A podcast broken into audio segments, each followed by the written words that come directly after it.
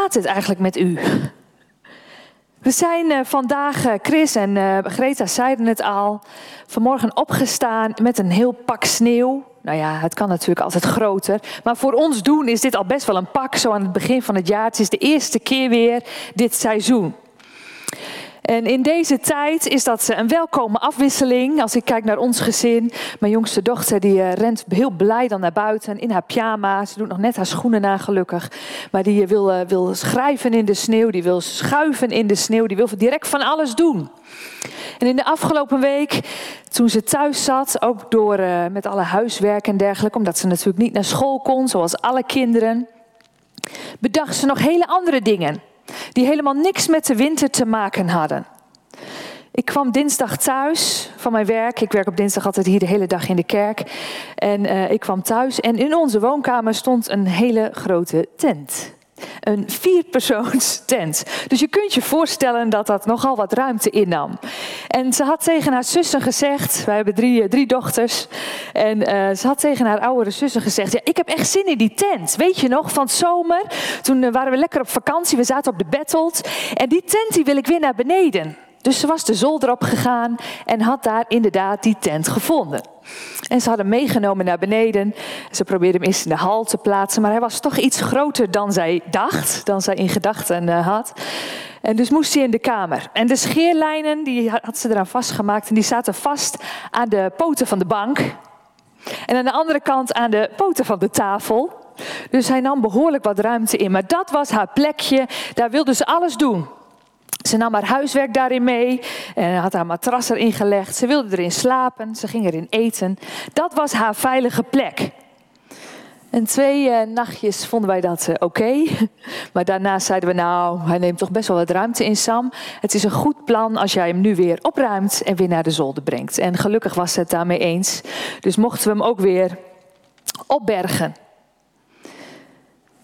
Maar die ontdekking, dat je dus iets kunt gebruiken uit de zomer en dat gewoon in een, ander, in een andere periode van het jaar hem neerzet, dat is eigenlijk een hele mooie en dat is een ontdekking die zij deed.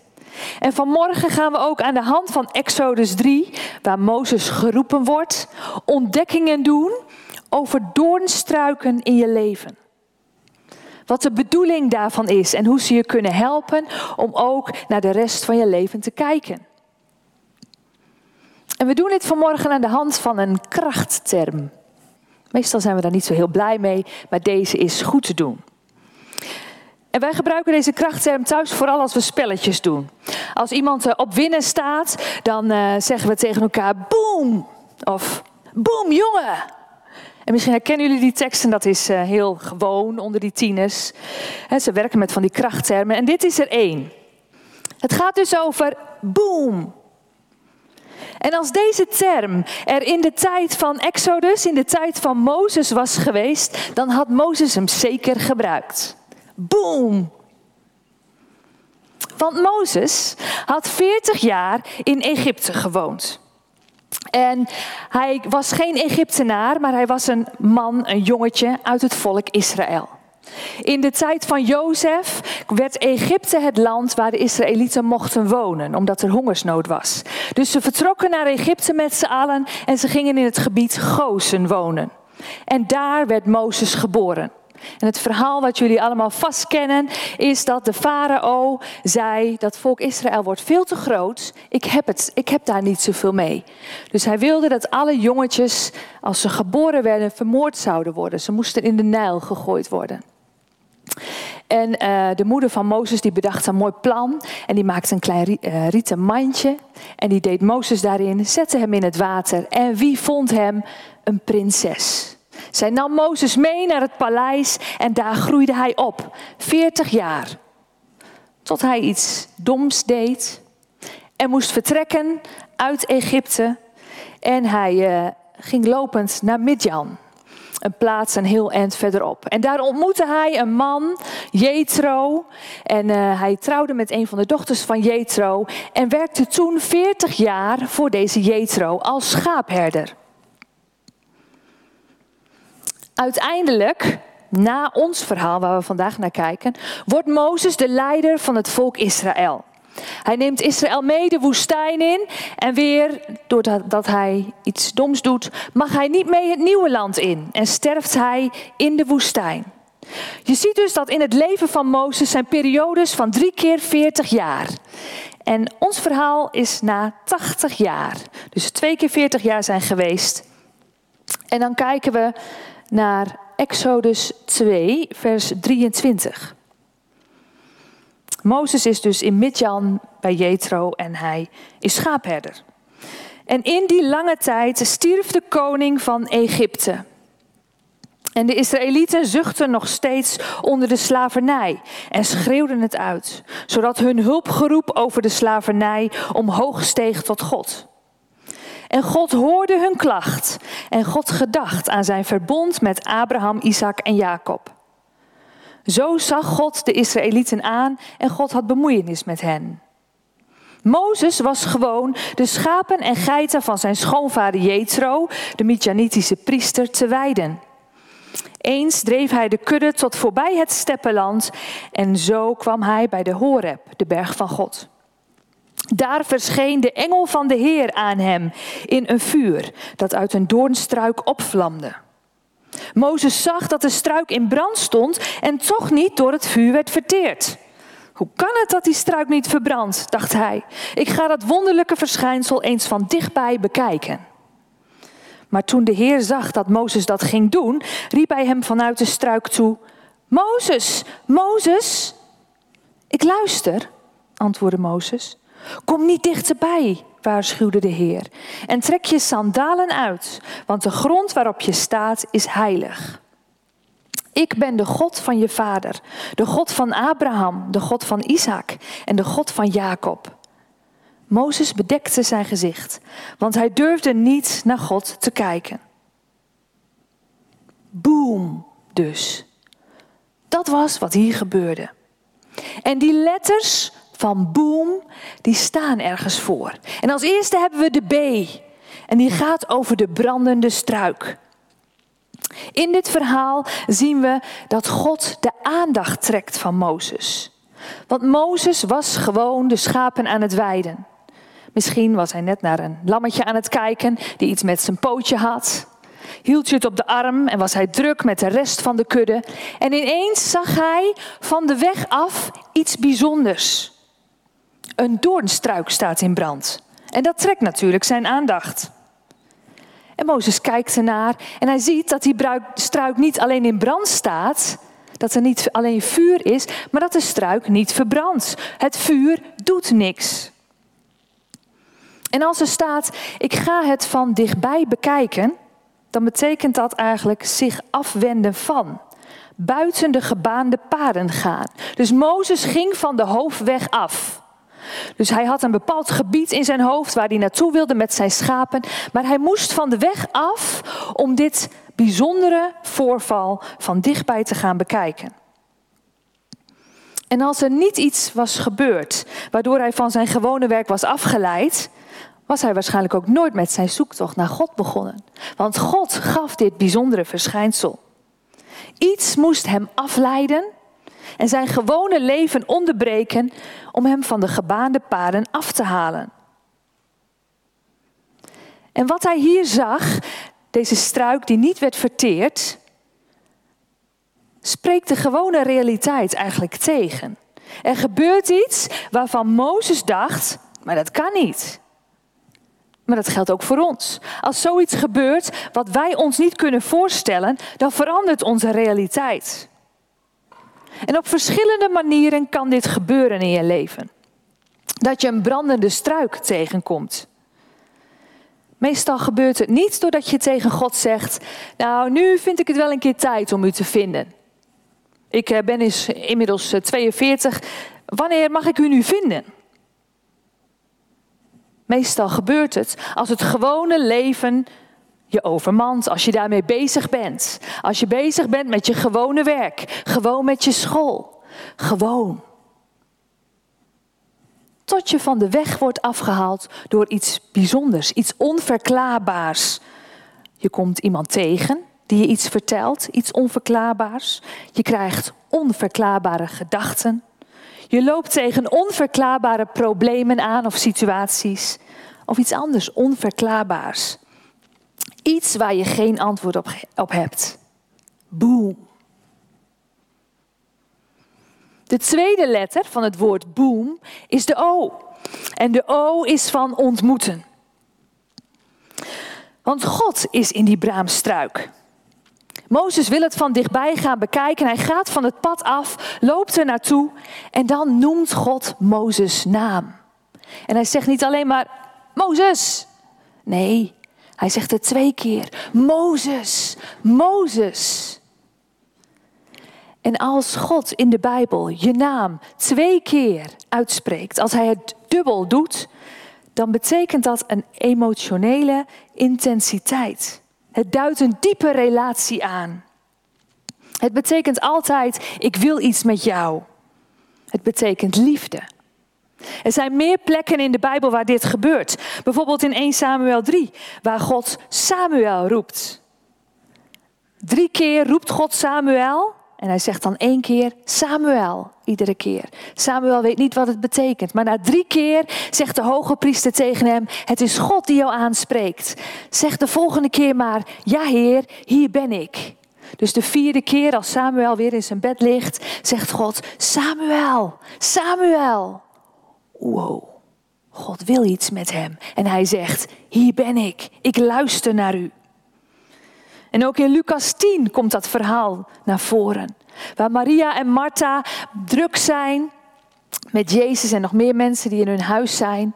En de een is bezig met allerlei huishoudelijke beslommeringen en de ander zit aan de voeten van Jezus. En Martha, die druk bezig is, die klaagt over Maria tegen Jezus en ze zegt: Zou Martha mij niet moeten helpen? Uh, Maria bedoel ik. En dan zegt Jezus: Martha, Martha, Jij maakt je bezorgd en druk over veel. Er is maar weinig nodig. Maria heeft het goede deel gekozen. Dus liefde is Gods drijfveer als Hij ons aanspreekt. En van daaruit doet Hij alles. En in dit geval is het ook liefde voor zijn volk. Want waarmee we net begonnen in dit stukje tekst, was dat, dat God zag hoe zwaar de Israëlieten het hadden in Egypte. En hij wilde iets gaan doen. Hij wilde hun lot omkeren. En daarvoor wil hij Mozes gebruiken. Dus hij zegt tegen Mozes: Mozes, Mozes. En daarmee zegt hij ook: Kom dichterbij.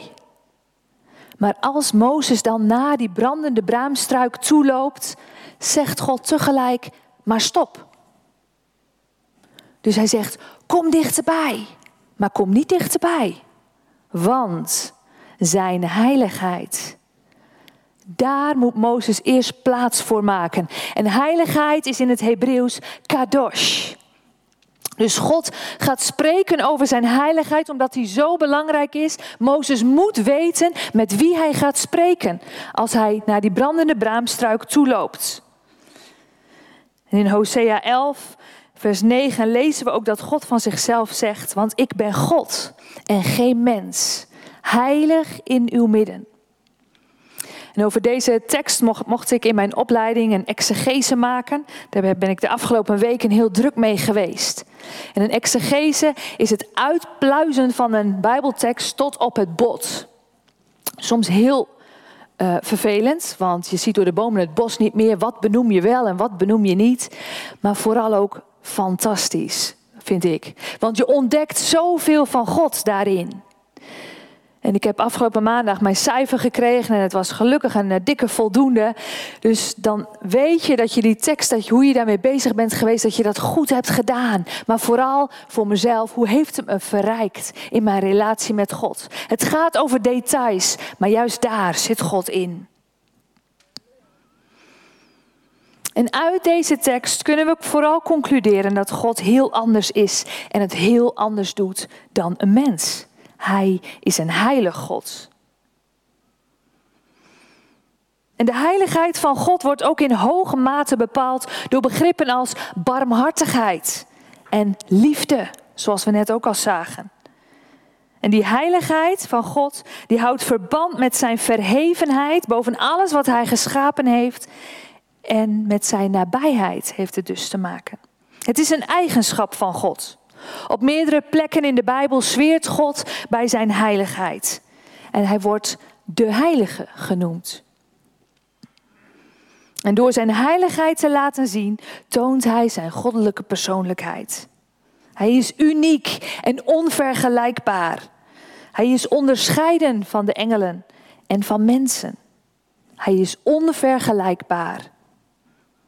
Dat is het theologische stuk. Maar wat je in dit stuk ziet, is wat de handeling is die daarbij hoort, is dat Mozes zijn schoenen uit moet doen. Hiervoor geeft Mozes al antwoord. God roept Mozes, hij noemt twee keer zijn naam en Mozes zegt, hier ben ik. Of in het Hebreeuws, in de grondtekst staat er, zie mij. En dan zegt God dus, stop, doe eerst je schoenen uit, want je loopt op heilige grond. En dat is best wel bijzonder, dat God eerst zegt, ik wil je dichtbij me hebben. Jij zegt oké. En dan zegt Mozes, uh, zegt God, nee, ga toch weg, blijf toch staan. Maar als we dicht bij God komen, krijgen we te maken met Zijn heiligheid. En als je je schoenen uitdoet, wat doe je dan? Als ik mijn schoenen nu uit ga doen, moet ik bukken. Moet ik mij naar beneden richten. Je kunt gaan zitten als je een trappetje hebt of een stoel. Maar wat je altijd doet, is dat je je lijf voorover buigt. En dus eigenlijk jezelf neerknielt voor God. En als je God wilt ontmoeten, doe je als eerste je schoenen uit. Je zegt eigenlijk: God, ik zeg ja tegen u. En ik ben bereid om te gaan waar u me stuurt. Misschien zelfs bereid om dingen te doen die ik eigenlijk niet leuk vind. Zonder je schoenen uit te trekken en zonder eigenlijk iets van jezelf af te leggen, kun je de zoektocht niet beginnen. Want dat is zoals het werkt bij God. Je komt in aanraking met zijn heiligheid. En je mag dus beginnen met zeggen: Heer, ik ben bereid om ermee in te stemmen dat u heilig bent, dat u vuur bent. Want zo is hij in deze braamstruik aanwezig. Je geeft aan God aan dat hij je mag kneden. Je mag veranderen zoals hij denkt dat goed is. Je geeft jezelf als een levend, heilig en Gode welgevallig offer, staat in Romeinen 12. Alles in je, al je zintuigen gebruik je om God te vinden en meer van Hem te leren. En die heiligheid gaat nog verder in dit stuk. Want God zegt niet alleen dat Hij zelf heilig is, maar ook zegt Hij, de grond waarop je staat is heilig. Dus Gods aanwezigheid maakt die hele plaats heilig, inclusief Mozes die daar staat. In Jozua 5 wordt het verhaal verteld van de val van Jericho. Een stad in het nieuwe land waar Mozes het volk naartoe heeft geleid. Zullen gaan ze innemen. Wat ik net al vertelde, Mozes mag zelf dat nieuwe land niet in. En er is een nieuwe leider, Jozua, die dat gaat doen. En het hele volk staat voor die stad en ze hebben geen idee hoe ze die stad gaan innemen. En God geeft zijn plan. Maar voordat hij dat doet, heeft Jozua een ontmoeting met God. En ook hem wordt gevraagd om zijn schoenen uit te doen, omdat de plaats waar hij op staat heilig is. Dus het wordt meerdere keren gebruikt. Mozes had natuurlijk een andere keus kunnen maken. Hij had naar huis kunnen gaan aan het einde van die dag en hij had tegen zijn vrouw, Sephora heette ze, kunnen zeggen: Nou, moet je nou toch horen wat ik heb meegemaakt, zeg. Ik kwam onderweg in de, in de, op de plaats waar ik was met mijn, al mijn schapen, kwam ik een brandende braamstruik tegen. Ik ben blij dat ik schaapherder ben.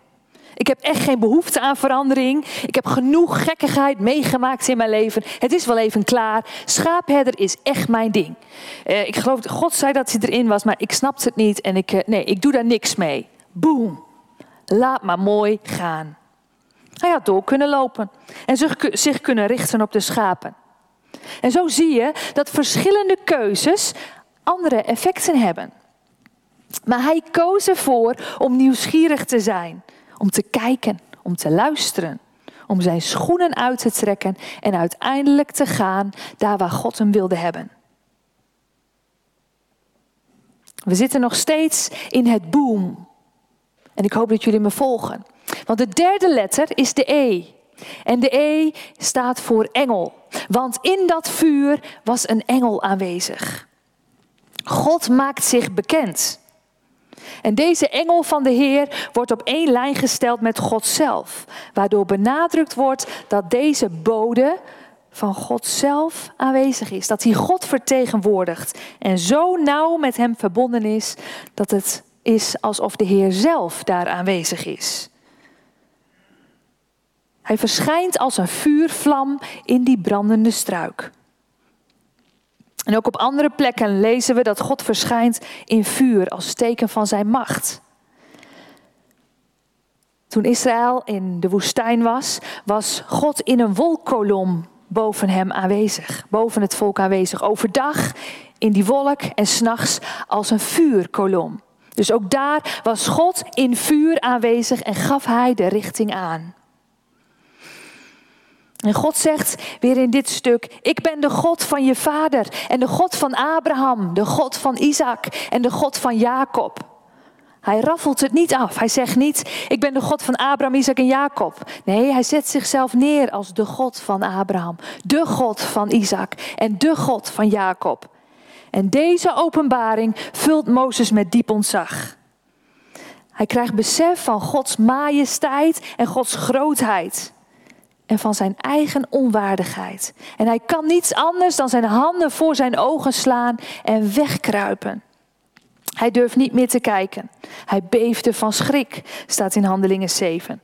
En vanuit zijn bekendheid met God, het was de God van zijn familie, wist hij wie God was. En daarom was zijn reactie op deze manier. Even verderop in dit gedeelte staat dat God zich ook openbaart als de ik ben die ik ben. Niet ik ben die jij bent of ik ben die jij wilt dat ik zal zijn. Nee, ik ben die ik ben. Ook hierin zie je zijn heiligheid, hoe uniek hij is. Dat hij met niemand te vergelijken is en boven alles en iedereen staat. Het is dus een bijzondere werkwijze die God hier toepast. Hij haalt eerst Mozes van het padje af met een brandende struik. Dan noemt hij Mozes naam twee keer. Mozes geeft antwoord. Dan zegt hij: Ho, eerst je schoenen uit, want de plaats waarop je staat is heilig. En dan pas maakt hij zich bekend. De manier waarop God werkt is dus lang niet altijd voorspelbaar. En daarna vertelt God waarvoor hij komt. Ik heb mijn volk gezien hoe ze onderdrukt worden. En daarom ben ik gekomen naar jou, want ik ga ze bevrijden en ik heb jou daarbij nodig. Ik heb jou nodig om naar de farao te gaan. De, het allerhoogste gezag van het land waardoor jouw volk wordt onderdrukt. Dus vanuit Gods liefde en heiligheid stuurt hij Mozes met een grote opdracht op pad. Boom. De vierde letter is de letter M. En de M staat voor moed. En dat had Mozes nou helemaal niet. Want als je verder leest, zie je dat Mozes blijkbaar schrok van zijn eigen gretigheid. Hij had ja gezegd tegen God. God vertelde hem wat hij van plan was met Mozes. En Mozes was overrompeld. En toen hij na ging denken, had hij allerlei vragen. Uh, wie ben ik dat ik dat kan? En God zegt, ja, ik ben toch bij je? Maar uh, uit wiens naam eh, doe ik dat dan? Wie, wie, moet ik dan zeggen die mij gestuurd heeft? Ja, ik ben die ik ben. Uh, ja, en als ze me dan niet geloven. En God geeft hem tekenen door zijn hand mee laatst te maken en weer gezond. Door zijn staf een slang te maken en weer terug een staf. En nog steeds twijfelt Mozes. Maar ik kan helemaal niet praten. Ik stotter en ik spreek echt heel beroerd. En ik hakkel. En dan zegt God, en nu is het klaar. Dus God zet even goed zijn boom neer en hij zegt: Genoeg. Ik geef jou iemand naast je, je broer Aaron komt nu naar je toe en die helpt je met spreken. Maar eigenlijk vindt God dat het helemaal niet nodig is, want hij is zelf bij Mozes. En dat kan zo herkenbaar zijn. Als we dit doortrekken naar vandaag, naar de keren dat je een braamstruik in je leven kreeg en je letterlijk van het padje was. Iets onverwachts, iets onverklaarbaars. En dat is blijkbaar de manier waarop Hij onze aandacht trekt. En God riep je. Hij riep je naam, misschien zelfs twee keer. Heel waarschijnlijk twee keer. Zijn liefde voor ons en voor jou is zo groot. Hij houdt van je met alles wat in hem zit. Bedenk maar eens iemand van wie je heel veel houdt en spreek zijn of haar naam twee keer uit. Zo spreekt God jouw naam uit. Daarna vraagt hij je om je schoenen uit te doen. Een handeling van overgave, van bereidheid om met Hem die weg te gaan. Durf je iets achter te laten? Heb je de moed om je te laten kneden? Om God je te laten kneden. Zijn heiligheid te erkennen en Hem te vertrouwen. Achteraf gezien was Mozes voorbereid op zijn taak. Door het onderwijs in Egypte aan het hof van de farao, waar hij zo lang had gewoond, en door zijn herderswerk in Midjan. Hij had alles in zich om de taak die God voor hem had te vervullen. Maar Mozes voelde zich niet geschikt. Maar dat geldt ook voor jou. Je bent geschikt, hoe je je ook voelt. Want God kent je doornstruik. En hij is er zelfs in met vuur. Boom. En Gods bedoeling met jouw leven zit hem vaak in die doornstruiken. De onderwerpen die jou van het padje hebben gebracht zijn je grootste getuigenissen en kunnen je leven op zijn kop zetten. En God is daarbij in liefde en in heiligheid. Mozes is het voorbeeld in de Bijbel wat steeds terugkomt. En zo kun jij in jouw leven het voorbeeld zijn wat in de tijd na jou steeds terugkomt. Wat de mensen die na jouw leven vertellen, omdat jij hebt verteld van jouw doornstruiken en wat het je heeft opgeleverd, wat God daarin heeft gedaan. Boom. En hiervoor heb je moed gekregen. Moed als je eigenlijk niet durft om je doornstruik onder ogen te zien, om zijn liefde te ervaren, zijn heiligheid te erkennen. Ik ben die ik ben, is bij je. En je vragen mag je stellen. Je hebt net gehoord hoe Mozes het deed, hoe die keer op keer zijn eigen onzekerheid en zijn, hij durfde niet. Hij heeft het gevraagd aan God en God bleef hem antwoord geven. En die antwoorden kunnen ook jouw antwoorden zijn. Lees het stuk terug in Exodus 3. Dan zie je wat de antwoorden zijn op de vragen die jij God stelt. Ik ben bij je, want ik ben die ik ben. Ik laat je niet in de steek. Ik geef je zelfs mensen die met je mee optrekken. En hij weet wat hij doet. En ik daag je daartoe uit. Durf jij je struik onder ogen te zien? Met al haar prikkels, met alles wat zeer doet, met alles wat je verwondt. Om God het te laten gebruiken, vandaag en in je toekomst. Want Hij wil er grote dingen mee doen. Jouw struik moet bekeken worden en moet gehoord worden. Jouw brandende struik, jouw ontmoeting met God, jouw engel en jouw moed. Het zit er allemaal in. Boom.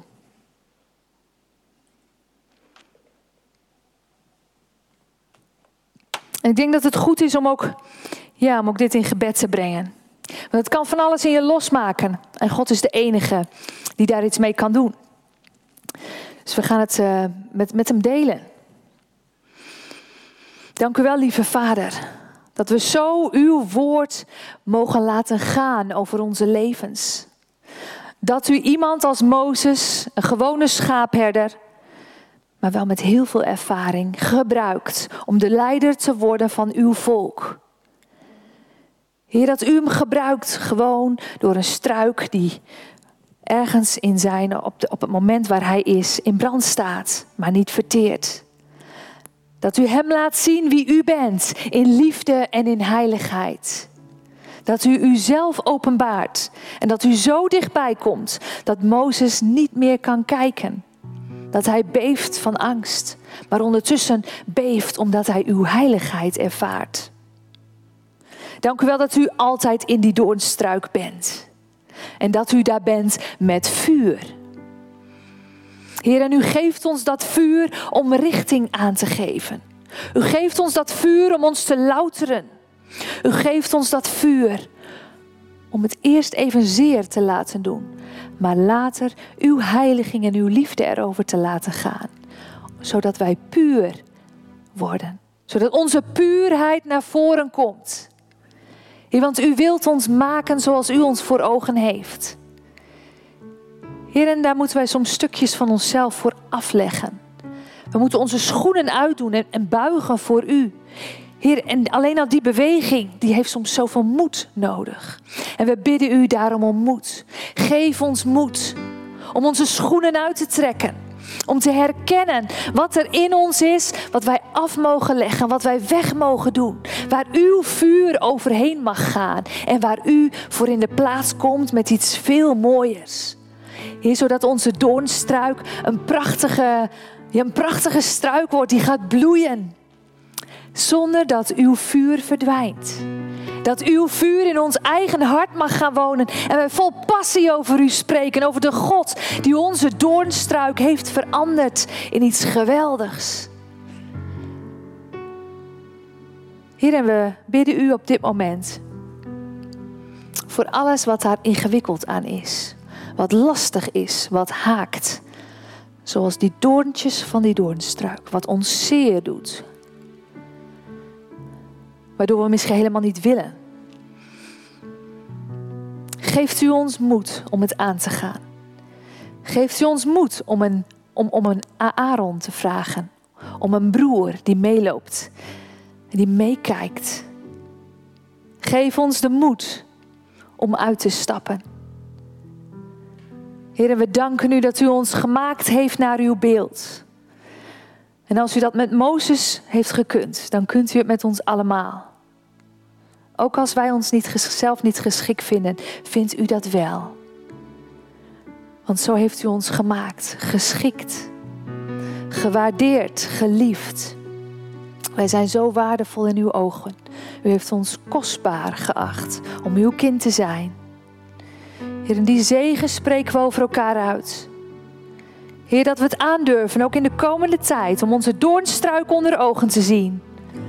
En er niet voor weg te lopen. Dank u wel dat u God bent. Heer, we verwachten het van u in alles wat er gebeurt. Uw gedachten mogen onze gedachten worden. Uw ogen onze ogen. Uw oren die van ons. En onze tong die van u. Dat we uw woorden spreken. Woorden van liefde. Woorden van vrede. Woorden van de eenheid. Dank u wel dat u God bent en dat u alles in uw hand heeft. Heer, en daarin mogen we ook kijken naar het volbrachte werk van Jezus. Want daardoorheen mogen wij zijn zoals u ons bedoeld heeft. Heer, en daar hebben we ons hele leven voor nodig. En iedere keer mogen we weer een klein stapje daarin maken. Maar dank u wel, Jezus, dat het kan door uw werk aan het kruis en door uw opstanding uit de dood. En die kracht heeft u ons meegegeven. Dank u wel. Heer, en zo gaan we die komende week ook in.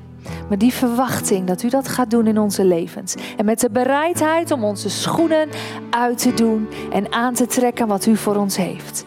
In Jezus' naam. Amen. Amen.